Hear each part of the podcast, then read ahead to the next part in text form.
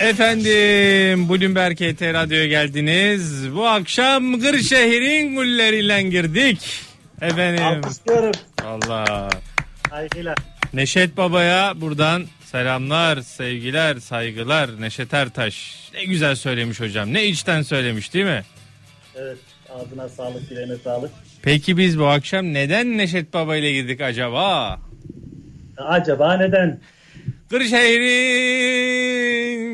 Üzeyir Doğan'ı memleketinde Memleketimden bildiriyorum. Buradan Caca Bey'in, Ahi Evran'ın, Aşık Paşa'nın, Şeyh Edebali'nin, Osman Bölükbaşı'nın, Muharrem Ertaş'ın, Neşet Ertaş'ın memleketinden bildiriyorum. Vay selam olsun selam olsun Kırşehir'e Üzeyir Doğan nasılsın iyi misin?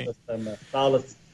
Vallahi hoş geldin biz de böyle bir güzel giriş yapalım dedik haftaya enerjik bir güzel giriş yapalım dedik efendim Üzeyir Doğan'a selamlarımızı sevgilerimizi iletiyoruz. Gedik Yatırım Yatırım Danışmanlığı Müdürü Sayın Müdürcüm nasılsın iyi misin? Sağ olasın. Patron sensin burada. Bizim müdürlüğümüz sökmez burada. Estağfurullah. Ee, bugün borsada yukarıda keyifler yatırım yapanlar için uzun pozisyon alanlar için güzel. Dolar TL önce bir gün içerisinde 8.30'un üzerlerine doğru çıktı. Sonra aşağı doğru geldi. Dolar TL bir düşüş var. 1421 Borsa İstanbul'un seviyesi. Dolar TL'de de 8.30'un altında bir e, sakinlik var şu dakikalarda. Yurt dışı piyasaları Amerikan borsaları yükseliyor, Avrupa borsaları yükseliyor. Dolar TL 8.26 güzel bir hafta yatırım yapanlar için efendim e, girmiş bulundayız. E, Pegasus'ta %8.5 Türk Hava Yolları tav, havacılık sektöründe yukarı hareketler görüyoruz. Hepsini konuşacağız Üzeyir Doğan'la. Canlı yayınımızın telefon numarasını da anons edeyim. 0212 255 59 20 0212 255 5920 bize ulaşabileceğiniz telefon numarası Üzeyir Doğan'a sorularınızı iletebilirsiniz. Bugünkü yükseliş Üzeyir Doğan nasıl görüyorsun? Küresel bir risk iştahının olumlu sanki yansıması mı? Ne dersin yeni haftanın ilk günü ve bu yükseliş?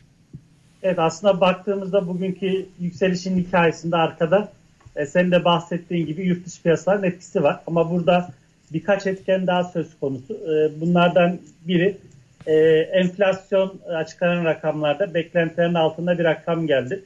Oysa ki bundan önceki yanlış hatırlamıyorsam 5 ayda e, beklentilerin üzerinde gelen rakamlarla karşılamıştık. Burada da üretici enflasyonu yine yukarıda ama en azından tüketici enflasyonu tarafında beklentilerin hafif de olsa altında kalan bir rakam gördük. Bunun etkisi var. İkincisi e, turizm ve havacılık sektörü. Bugün yükselişte de e, biraz daha etkileri vardı.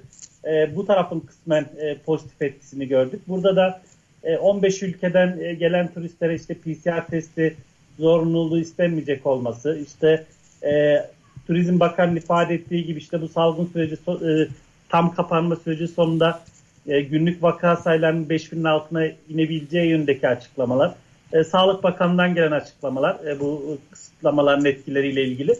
Bunların hepsi de, bir de dışarıdaki Avrupa'da da şey oldu galiba. Bu Avrupa onaylı aşıların Avrupa'ya uçuş onaylı aşıya sahip kişilerin evet. Avrupa'ya uçuşuna izin vereceği gibi bir evet. Aynen.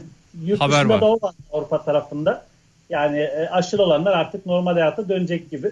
Aslına bakarsak Barış yani İngiltere'den gelen haberlere vesaire e, bu e, aşılı kitlelerin işte e, açık organizasyonlara başlıyor olması e, test mahiyetinde de olsa. Örneğin bugün Çin'den gelen yine haberler vardı. E, Wuhan'da yani salgın ilk başladığı yerde e, çok geniş katılımlı bir e, konser düzenlendi. E, yani buralara baktığımızda yavaş yavaş acaba bu salgının etkileri e, artık ortadan kalkıyor mu kaldırılıyor mu gibi e, bir beklenti oluşmaya başladı. Bu da turizm sektörü başta olmak üzere genel e, küresel risk iştahını destekledi. Amerika'da yine yeni bir teşvik paketi beklentisi var. Yani bunlar da yine pozitif katkıyı sağlayan unsurlar. Tüm bunlar üst üste gelince bugün e, böyle bir atmosfer oluştu. Ama e, geçmişte de gördük. Yani içinde bulunduğumuz konjektürde gerçekten e, piyasalar günden güne beklentiyi değiştirebiliyor. Yani bugün bu beklentileri konuştuk.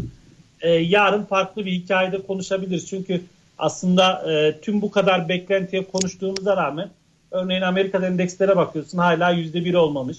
Avrupa tarafına bakıyorsun yüzde bir olmamış yükselişte.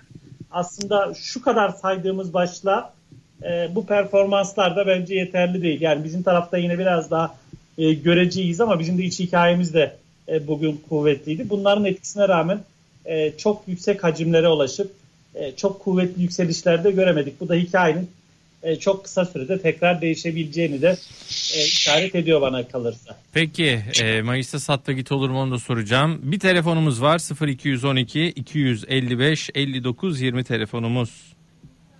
Musa Bey iyi akşamlar. İyi akşamlar Barış Bey nasılsınız? Sağ olun efendim siz nasılsınız buyurun. Teşekkür ederim ben de iyiyim. Ee, Zeyl Bey'e iki tane işte soracaktım ama. Evet buyurun. Ee, Zeyl Bey iyi akşamlar bu arada. Kaptamin, ambalaj ve Sasa. Ses bir Sa- problem yaşadım ama. Evet Sasa ve Kaplamin ambalaj. Evet. Teşekkürler soralım. Rica, iyi akşamlar. İyi akşamlar, iyi yayınlar. Sağ olun. Buyurun Üzeyir Bey. Barış ben sorular alamadım bir iletişim. Şu an şu an duyabiliyor musun? Şu an diyorum evet evet. Ee, Sasa ve Kaplamin ambalaj. Se- sesin gidip geliyor. Mu- kulaklığında mı acaba problemi var? Ha o bağlantı yerinde sanırım problem var. Şu an nasıl? Şu an iyi. Şu, an iyi. Şu an. Evet dinleyebiliriz. Şu an geliyor mu sesim? Geliyor, geliyor. Bende herhalde bir problem var kulaklık girişinde. Ee, Sasa tarafına baktığımızda geçtiğimiz yıl çok e, sert hareketler yapmıştı. Hatta e, bu yılın başında da yine bu hareketlerin devam ettiğini görmüştük. E, sonrasında yaklaşık bir e, 2-3 aydır e, ciddi bir konsolide süreci var ve burada yukarı gitmekte zorlanıyor. Yani her yukarı harekette e, tekrar bir düzeltme görmeye başladık. Bu açıdan ben biraz e, temkinli yaklaşmak gerektiğini düşünüyorum. Yani teknik göstergelere baktığımızda da son dönemde ciddi bir aşağı yönlü trend vardı. E, bir miktar dipten dönüş çabaları var göstergeler tarafında ama henüz fiyatlar buna eşlik etmiyor. Ben bu açıdan e, biraz e, hani bu zirve seviyelere yakın yerler e, çok da iskontolu fiyatlar değil. Yani tarihsel çarpanlarına baktığımızda e, oldukça e, yüksek fiyatlar var. Ben e, açıkçası e, çok e, pozisyona girmek için e, doğru yerler olduğu kanaatinde değilim ama e, mevcutta pozisyon olanlar da makul bir stopla bekleyebilirler. Yani bu son birkaç aylık dönemde oluşan zirve seviyelerin kırılması belki yeni bir hareket getirebilir ama kesinlikle ucuz olmadığını düşünüyorum. E, şu aşamada onu ifade etmiş olayım. E, diğer soru Kaplamin'de Kaplamin, evet, evet, evet. Yani orada da şöyle, yani oldukça volatil bir hisse. Özellikle son e, dönemde bunu çok net bir şekilde gördük. Son 6 aylık, 7 aylık döneme baktığımızda e, ciddi bir volatilite vardı. Ciddi yukarı yönlü hareketler görüldü ve normal değerlemelerin sınırlı dışına çıkıldı bana kalırsa. En azından piyasa çarpanlarına baktığımızda burada da e, geçmiş ortalamaların çok üzerinde fiyatlamalar vardı. E, sonrasında sert bir düşüş süreci başlamıştı. Barış. O halen devam ediyor. Arada bir tepkiler geliyor ama genel e, şey bence hala trend e, aşağı yönlü e, ve e, hala da çok e, iskontol diyebileceğimiz seviyelerde değil bence. Bu açıdan e, ben burada da yine temkinli gitmekte fayda olduğu kanaatteyim. Yani biraz e, cazip görmüyorum açık söylemek gerekirse. Peki efendim 0212 255 59 20 sohbetimiz devam ediyor. Ee, biraz YouTube Periskop, e, YouTube Twitter sorularını da alacağım. Mesela Oktay Bey Tüpraş ne olur demiş. Oktay Güven benim e, bugün gözüme de ilişti. Şöyle bir e, tema olur mu bugünkü yükseliş? Bu hava yani biraz ikincil etkileri hava yolu, jet yakıtı falan o, o mu bugün Tüpraş'ı yukarı attı? Ee, buradan e, böyle bir yorum çıkarabilir miyiz Üstad ne dersin? Çıkarabiliriz bence. Ben onun etkili olduğu kanaatindeyim. Çünkü eğer e, salgın e, yani normal hayata döneceksek, turizm başlayacaksa, hava yolu çalışmaya başlayacaksa, yani insanlar normal hayatına dönecekse e, bu durumda petrokimya ürünlerine de enerji ürünlerine de e, tamamıyla talep artışı getirecektir. E, o açıdan ben e, bu tarz e, haberlerin e, pozitif etkilediği kanaatindeyim. Yani bugünkü havacılık sektöründeki o hareketlerde ekonomilerin normale döneceği beklentisinde e, buranın da etkisi olduğunu düşünüyorum. E, çünkü ekonominin normale dönmesi en çok pozitif etkileyeceği sektörlerden bir tanesi de bu e, rafineri sektörü. E, bu açıdan e, doğrudan ilişkili olduğunu düşünüyorum bugünkü bu, haberlerle. Güzel bir izleyicimiz Erdem Bey hatırlatmış. Özür dilerim sözünü kesim devam edeceksen net bir şey ekleyeceğim. E, teknik olarak da şunu söyleyeyim. E, tamam. E, gerçekten e, son dönemde ciddi bir konsolide olmaya başlamıştı bu e, 85 lira civarında. Buraların altına çok fazla inmek istemediyse teknik göstergelerde de öncü toplanmalar vardı. Yani pozitif uyuşmazlık dediğimiz döngü oluşmaya başlamıştı. Ben halen e, yukarı yönlü potansiyel taşıdığı kanaatindeyim buranın. Ee, şu İran yaptırımların kalkması da pozitif olabilir diye Erdem Bey yazmış. Ne dersin? E, ihtimal yani ama orası e, çok çetrefilli bir konu olabilir yani. Ama ben bugünkü ana harekette biraz daha e, Hava bu yolları. normalleşme havacılık sektörünün daha e, hmm. e, etkili olduğu kanaatindeyim açıkçası. Evet tabii e, sen bir analist olarak çok daha e, hani matematiksel bakıyorsun. E, hani bu tip şeyler ama biraz sen de çok daha iyi bilirsin üstad bana düşmez ama hani bazı söylen evet. şeyler bile hani kokusu falan bile bazen götür. Hiçbir etkisi evet, olmasa evet. dahi. O, o açıdan sanırım izleyicimiz sormuş. Bir telefon daha alacağım. E, 0212 255 59 20. Volkan Bey merhabalar. Merhabalar, iyi akşamlar diliyorum sizlere. Sağ olun, buyurun. İlk önce kitabınız için tebrikler. Çok teşekkürler. İnşallah e, daha iyi, daha ileri başarılar doğru devam edersiniz. Sağ olun, sağ olun. Ben de tebrik ederim bu arada Barış. Çok teşekkürler Üzeyir abi, sağ olun. E, sizleri sürekli senelerdir dinliyorum zaten. Üzeyir Bey kısa bir sorum olacak. Ben uzun vadeli borsada bir yatırımcıyım. E, Garanti ve Akbank hisselerine çok ilgileniyorum ve elimde de var. E, son birkaç gündür sanki yabancı alış ediyor ama biraz alış geldi gibi. Kendisinin fikri nedir bu konuda? E, dinleyebilirsem memnun olurum. Evet. Yani şöyle bankalar tarafında bilançolar yani finansal tablolar diyeyim daha doğrusu iyi geldi. Yani piyasa beklentilerinin üzerinde sonuçlar geldi. E, bunlar son birkaç günde bankacılık endeksine bir miktar e, canlılık getirdi. Yani en azından o ekstra zayıf baskıda e, kurtulmuş oldular. Çünkü ilk çeyrek bu tarafta oldukça olumsuz bir tablo beklentisi vardı. E, o biraz dağılmış oldu. Bir miktar tepki geldi. Hala bankacılık endeksi için e, zor günler geride kaldı demek çok mümkün değil ama e, çok ciddi iskontolar oluşmaya başladı. Yani yanlış hatırlamıyorsam bugün yapı krediye bakmıştım. Bir 0.40'ın altında piyasa değer defter değer rasyosu var. E, diğerlerinde keza aynı şekilde oldukça iskontolu rakamlardan bahsediyoruz. Hepsi e, yarısından e, daha aşağıda işlem görüyor defter değerinin. Bunlar e, tek başına bir e, yukarı yönlü hareket getirmiyor bu iskonto ama e, yakın dönemde bir hikaye değişimi olabilir mi? Evet olabilir. Ne zaman? İşte e, artık enflasyonda ve e, faizlerde zirveyi gördük ve bir dönüş hikayesi başlattığımız zaman e, bu da normal şartlarda bu yıl 3. çeyreği e, başlayacak gibi gözüküyor. Biraz belki önden fiyatlamayla işte yavaş yavaş e, bu tarafa ilgi doğabilir. Ama e, hala e, ikinci çeyrek özelinde yani bugün al yarın sat listesi değil. E, sizin de bahsettiğiniz gibi eğer vade uzunsa e, ben bankacılık endeksinin özellikle özel bankaların ki içlerinde de yapı kredi belki biraz daha potansiyel olarak daha kuvvetli gözüküyor ama bank garanti de fena değil. E, yapı kredi onlara göre biraz daha e, kontrol olduğu için e, ön plan çıkartmak istedim. E, bu hisseler e, bence uzun vade için e, tercih edilebilir nitelikte ama dediğim gibi bugün al yarın sat hikayesi değil. Çünkü en ufak bir olumsuzlukta yine likit olmaları nedeniyle e, ilk satılacaklar onlar olabilir. E, buna da dikkat etmek gerekiyor ama orta uzun vade için ben e, bankaların e, değerlendirilebileceği kanaatindeyim. Peki. Peki. Çok, Çok teşekkür ederim. İyi akşamlar diliyorum. İyi akşamlar. Sağ olun. 0212 255 59 20 bir telefonu da alacağım. Mehmet Bey merhabalar. Merhaba, iyi akşamlar Barış Bey. Nasılsınız? Sağ olun efendim. Siz nasılsınız? Biz de iyiyiz. Sağ olun. Allah iyilik versin. Ee, Buyurun Üzeyir Bey konuğumuz. Teşekkürler. Merhaba Üzeyir Bey. Merhabalar, iyi akşamlar. Ee, nasılsınız, iyisiniz? Teşekkürler, sağ olun.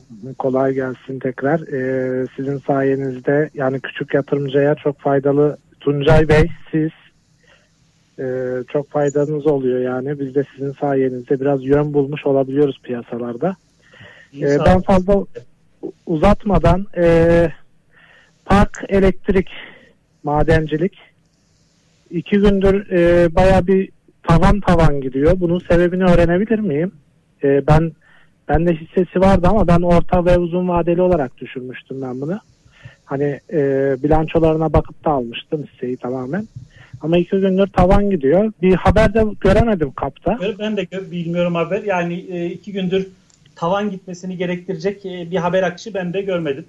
E, ne evet. resmi tarafta kap tarafında bir haber var bildiğim kadar ne de e, gayri resmi bir haber görmedim. Hı. Yani e, bir bilgim yok açıkçası. Yani iki günlük tavan da hani böyle e, bir haber olmadan açıklanabilecek çok önemli bir şey değil. Yani benim yap yapabileceğim bir şey değil. Yani neden evet. tavan gibi hiçbir fikrim yok. Yani o nedenle e, başka, kısa vade için çok bir şey başka söylemeyin. Başka bir hisse var mı Üstad? Efendim? Sor, başka bir ee, hisse, sorunuz var mı? Bir, bir sorun da şu olacaktı. Kendi hissesini alan şirket var mı? Ben çok piyasayı takip edemiyorum ama genelde şişe, camtal, havalimanı falan var diye biliyorum. Onun dışında şişe. Yani evet. bunlar var ama şöyle söyleyeyim. Aslında bu dönem e, bazen e, yatırımcılarda hep şey oluyor. Yani şirketler kendi hissesini alsın. Şimdi şirketlerin e, şu an e, bankadan kredi temin etseler e, sermaye ihtiyaçları vesaire için kaçla borçlanabilirler? %25 civarıyla, %20-25 aralığı diyelim. E, yani şimdi işletme sermayesi ihtiyacı olduğu bir dönem. E, şirketin kendini çevirmesi gerektiği bir dönem. E, parayı e, yüzde belki 15, 17, 18'de değerlendirebileceği bir dönem. Yani böyle bir dönemde şirketlere e, gidin hissenizi alın işte demek de e, bana çok doğru bir yaklaşım gelmiyor açıkçası. Yani alanlar var. E, likit pozisyonu kuvvetlidir. O hisseler çok iskontolu hale gelmiştir. E, buna destekleme adıyla alım yapılabilir. Örneğin Şecam bunu geçmişte çok yaptı. Enka yaptı. Yani e, TAV yaptı. Yani işte bazı şirketlerde bunları görmüş olabiliriz ama genel itibariyle hani bir şirketin ya da BİM sürekli yapıyor. Çünkü inanılmaz bir nakit pozisyonu var. E, zaten bu desteği sürekli yapıyor ama onun haricinde her şirketten bunu beklemek de ben e, özellikle bu konjektürde e, çok doğru olmaz diye düşünüyorum. Çünkü oraya harcadıkları paranın e, karşılığını e, bir yerden temin ediyor olmaları lazım. Eğer ellerinde hem bu hisse alımlarını karşılayacak hem şirketin kısa vadeli işte e, işletme sermayesini karşılayacak. Belki kısa vadeli borçlarını ödemeye yetecek nakdi olmadan böyle bir alım yapması da şirketlere orta uzun vade için ciddi finansal yük bindirir. Onu da göz önünde bulundurmak lazım bence. Peki e, telefona döneceğim ama bir Kozal e, yorumu rica ediyorlar. Bugün altın biraz hareketliydi. Aslında Kozal, Kozal bunlar da geçtiğimiz hafta sonundan itibaren de biraz bence pozitifti. Yani bir dipten e, dönüş çabası vardı. E, o hareket bugün de Kozal tarafında devam etti. Ben teknik olarak görünümün e, biraz daha pozitife dönmeye başladığı kanaatindeyim. En azından e, şu son dönemde bir düşüş trendiniz vardı. O düşüş trendinin de yavaş yavaş e, test edildiğini ve üzerine doğru bir hareketlenme başladığını görürüz. Ben e, şu aşamada biraz daha pozitif tarafta e, izlemede kalınabilir diye düşünüyorum. Bugün bizim öneriler listemizde de vardı e, Kozap. E, yani günlük öneri listemizde. E, ben genel itibariyle e, şu aşamada e, pozitif izlemede kalınabileceğini düşünüyorum. Ta ki böyle e, 112 civarı e, yani bu seviyelerin altına bugünkü gördüğü evet. dip seviyeleri referans almak lazım.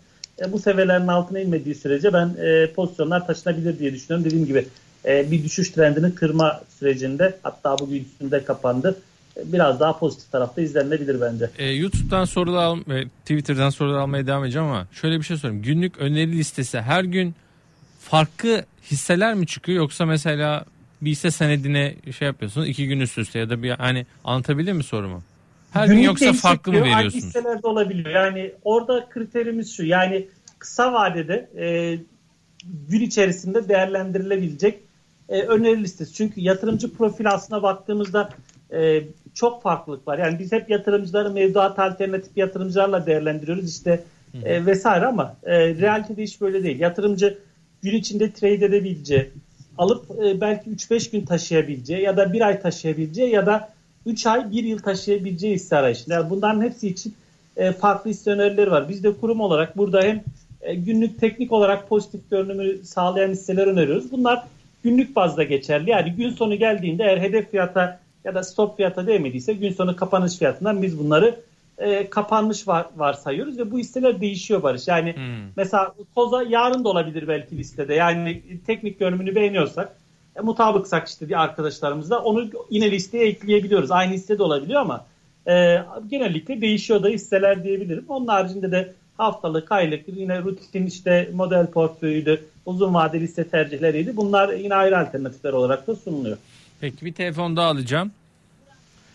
0212 255 59 20'de Burak Bey bizle. Ee, merhaba Zehir Bey, Barış Bey. Beğenerek takip ediyorum. Sağ olun. Buyurun. Merhabalar. Ee, iki, iki adet sorum olacaktı. Birinci sorum e, şu. E, ben öncelikle e, portföyüme temettü ağırlıklı bir portföy yapıyorum. Uzun vadeli yatırımcıyım. Birinci sorum sigorta şirketlerini önemsiyorum. Sigorta sektörünü önemsiyorum temettü şirketi olarak Anadolu Hayatı mı tercih etmeliyim? Anadolu Sigorta'yı mı? İkinci sorum ise e, gıda içecek olarak Anadolu Efes'i izliyorum. Temettü portföyüme eklemek için uygun bir hisse midir? Teşekkür ederim. Çok teşekkürler. İyi akşamlar. Hisseyi anlayamadım. Anadolu Efes temettü için ekleyebilir miyim diyor. Ya Ben şöyle söyleyeyim mali olarak da çok güçlü yani benim beğendiğim grup hisselerinden bir tanesi. E, değerlendirilebilir nitelikte bence. Sigorta tarafında da e, Anadolu Hayat'ta Anadolu Sigorta'da ikisi de aslında e, kuvvetli ama Anadolu Hayat biraz daha temettü verimliliğinde ön plandaydı. E, yani ikisi de tercih edilebilir. Yani ikisi arasında çok e, ciddi bir uçurum da yok. Yani biz yine bugün günlükte örneğin Anadolu Sigorta'yı paylaşmıştık. E, tabii burada yatırımcının bahsettiği uzun vardı ama e, yani ikisi de tercih edilebilir. E, Türkiye Sigorta e, belki alternatif olarak e, değerlendirilebilir. Yani onda da e, ciddi bir potansiyel olduğu kanaatindeyim ben. E, ilerleyen dönemde bu şirketlerin hepsinde tebettü verimlerinin de e, ön plana çıkabileceğini düşünüyorum. Biz en son e, Gedik yatırım olarak e, temettü verimliliği yüksek hisseler e, çalışması paylaşmıştık ama şu an e, tam tarihini hatırlayamayacağım. E, finansallardan önceydi. E, internet sitesine girerlerse hani e, bültenler bölümünde e, orada da e, bu bültenleri bulabilirler. Oraya da bir bakmalarını tavsiye ederim. E, temettü verimliliği ön plana çıkan şirketler listesi olarak e, bir liste hazırlamıştık. Oradan da belki tercihte bulunabilirler. Ee, mesela Nihat Bey demiş ki ya ülkede enflasyon bu kadar yüksekken 17 iken temettü portföyü mü yapılır? Ne dersin? E, şimdi te, e, enflasyonun burada kalmayacağı var sayımımız var. E, birincisi bu. E, ikincisi de e, temettü verimi yüksek şirket aslında iyi kar elde eden şirkettir. Yani sadece temettü alıp kenara çekilmek değil. Yani e, hem temettü alıyorsunuz yüksek temettü verebilmesi için de yüksek karlılığın olması lazım. E, bunu da göz önünde bulundurmak lazım. Bir de şirketler tüm karlarını elbette temettü olarak vermiyor. Yani siz ortalama %6, %7, bir, belki %7'ler civarı bir temettü verimli yakalasanız belki o şirketin karlılığı çok daha yukarıda ve e, enflasyona da size ezdirmeyecek bir performans sergiliyor olacak. E, bu açıdan sadece e, enflasyona e, endeksli düşünmemek lazım. İkincisi de dediğim gibi enflasyondaki e, uzun vadedeki düşüşü de beklentisinde burada e, göz önünde bulundurmak lazım. Bence e, yanlış bir strateji değil. Hele ki vadeniz böyle 10 yıl 20 yıl işte ya da emeklilik bireysel emeklilik birikimi gibi bir şey yapmaksa e, bence burada temettü verimliliği e, esas kriterlerden bir tanesi e, olması gerekiyor bence. Evet bir telefon da alayım izninle. Furkan Bey iyi akşamlar. Merhabalar iyi akşamlar. Buyurun. İyi akşamlar Üzeyir Bey. İyi akşamlar. Ee, size, size iki tane sor, hisse sormak istiyordum. Birisi Tekfen, diğeri de Hektaş. Hektaş, Tekfen. Evet. Aslında e, ikisi de e, hikayesi olan hisseler e, ama özellikle Hektaş tarafında şunu söyleyeyim. Ben e, birçok beklentinin orada fiyatlandığı kanaatindeyim. Yani e, çok iyi bir şirket. Biz yıllarca e, Hektaş'ı sürekli olarak öneri listemizde tuttuk. E, yeri geldiğinde raporlarını yaptık. Yeri geldiğinde e, öz varlık karlılığına çıkan şirketler raporda sürekli paylaştık. Ama ben e, orada birçok e, beklentinin artık fiyatlandığı kanaatindeyim. E, o eski iskontosunun çok e, var diyemem ama e, yine düşüşlerde değerlendirilebileceği kanaatindeyim. Yani uzun vade yine hikayesi olabilir. E, çok e, güçlü bir yönetimi var. E, iyi bir yönetim var. Yani bunlar uzun vadede burada hikaye oluşturacaktır elbette ama şu aşamada ben e, biraz artık oranın e, doygunluğa geldiğini düşünüyorum. O açıdan e, biraz orada temkinliyim açık söylemek gerekirse ama piyasayla beraber bir düzeltme yaşanacak olursa, geri çekilme yaşanacak olursa ben tekrar değerlendirilebilir diye düşünüyorum. Yani çok iyi bir şirket ama ucuz bir şirket değil benim kanımda. Tekfen tarafına gelecek olursak da burada bildiğiniz üzere pandemi süreci Tekfen tarafında ciddi manada baskı oluşturdu. Yani genel itibariyle ben Tekfen tarafında da hikayenin kuvvetli olacağı kanaatindeyim uzun vadede ama kısa vade için e, şartlar iki türlüydü. Bir tarafta gübre tarafı pozitif etkileyen taraf oldu. E, bir tarafta da e, taahhüt tarafı burası da içinde bulunduğumuz bölgede ciddi sıkıntılar vardı. Hem de bu salgının etkileri vardı. E, ben biraz e, buradaki olumsuzlukların büyük çoğunluğunun artık fiyatlandığını düşünüyorum. Hele ki e, bu salgına yönelik bu işte bu aşı çalışmaları vesaire dünya ölçeğinde biraz denge bulacak olursa belki yavaş yavaş dönüşler yakalayabiliriz. Yani orta vadeli, uzun vadeli göstergelere baktığımızda da böyle e, dipten dönüşler, e, biraz pozitif e, uyumsuzluklar görülmeye başlandı e, birkaç aylık periyotta. E, ben e, uzun vade için değerlendirilebilir diye düşünüyorum. Kısa vade bugünden yarına e, burada da belki çok büyük bir hikaye oluşmayabilir. Yani bankalarda olduğu gibi. Ama bir toparlanma emaresinde salgının etkilerinin azaldığına yönelik beklentiler evet. oluştuğunda belki yıl sonuna doğru hareketlilikler e, izleyebiliriz burada da. Teşekkürler. Ee, Çok teşekkürler. E, Oktay Akbey de bize hatırlatmış. E, Hektaş, TAGEM ve Sivas Bilim Teknoloji Üniversitesi'nin teknik ve bilimsel desteğiyle yürüttüğü fosfor çözücü, çözücü, çözücü mikrobiyal kültür içeren biyogübre formülasyonlarının geliştirmesi projesini hayata geçirmiş. Bu projede israf edilen kuru ekmekler biyogübre üretiminde kullanılacakmış. Bugünün haberi Hektaş'a ilişkin. Yani bu haberlerde şunu söyleyeyim Barış. Yani haberin elbette bu Hektaş'ın birçok haberi var. Hı hı. Ee, yani bazen yatırımcılar e, bu tarz haberlerin hepsine çok büyük anlam ifade ediyorlar. Yani burada şirketin şununa bakmak lazım. Yani burada bu işte israf edilen ekmeklerden üretilecek işte bu biyogübrenin toplam satışlar içerisindeki payı ne olur? Karlar katkısı ne olur? Lütfen bu haberler geldiğinde böyle değerlendirin. Yani bizim en büyük sıkıntımız şu bir haber geldi hop pozitif alıyoruz hop negatif satıyoruz ama bir bakıyoruz şirketin değerini %10 oynatıyoruz. %10 dediğimiz rakam işte atıyorum farzi misal 10 milyon dolara tekabül ediyor ama şirketin o iyi haberle elde edeceği satış geliri 1 milyon Peki. dolar. Yani öyle değişiklikler de olabiliyor. Bunlara bakmak lazım projeksiyon Sana bir şarkı arası verelim mi? Saat 42. Ee, devam geç. edebiliriz. Emin misin? Eminim. E bir su iç istiyorsan. Aldın mı yanına? Kalkmam lazım. Devam edelim e, kalk bir şarkı, şarkı. Temiz bitirelim. Devam reklama edelim gidelim istersen. reklama. Bir reklama tamam, gidelim. Reklam. Sen suyunu al gel. Sonra biz devam edelim. Hadi bakalım. Efendim devam ediyoruz Üzeyir Doğan'la. E, Periskop'tan pardon Twitter'dan çok e, mesela Bossa çok soruluyor. Bossa. Takip ediyor musun? Bir tekniğine falan bakma imkanı olabilir mi? Ya şöyle Üç haftadır e, geçmişte çok e, güçlü fiyatlanan hisselerden bir tanesiydi. E, yani ben e, orada da Barış yani yine biraz fiyatlamanın e, tarihsel ortalamaların üzerine çıktığı kanaatindeyim. Yani genel itibariyle e, zaten e, hani fiyatlara bakacağın zaman e, şu an tam şey yapmıyorum ama e, yani bundan e, bir buçuk yıl önce ise 4 lira civarı şu an e, 30 lira civarı. Hani güçlü fiyatlanmadan kastım buydu. E, son dönemde e, zirvelerde biraz yorulmalar var. E, piyasa çarpanlar da bence çok makul diyebileceğim seviyelerde değil bence. E, kendi tarihsel ortalamasını da göz önünde bulundurduğumuzda. Ama burada elbette birçok haberlerin yönetim değişimi vesaire gibi bunların etkileri de olmuş olabilir. E, ama ben e, buranda çok e, iskontol olduğu kanaatinde değilim. Açık söylemek Peki. gerekirse.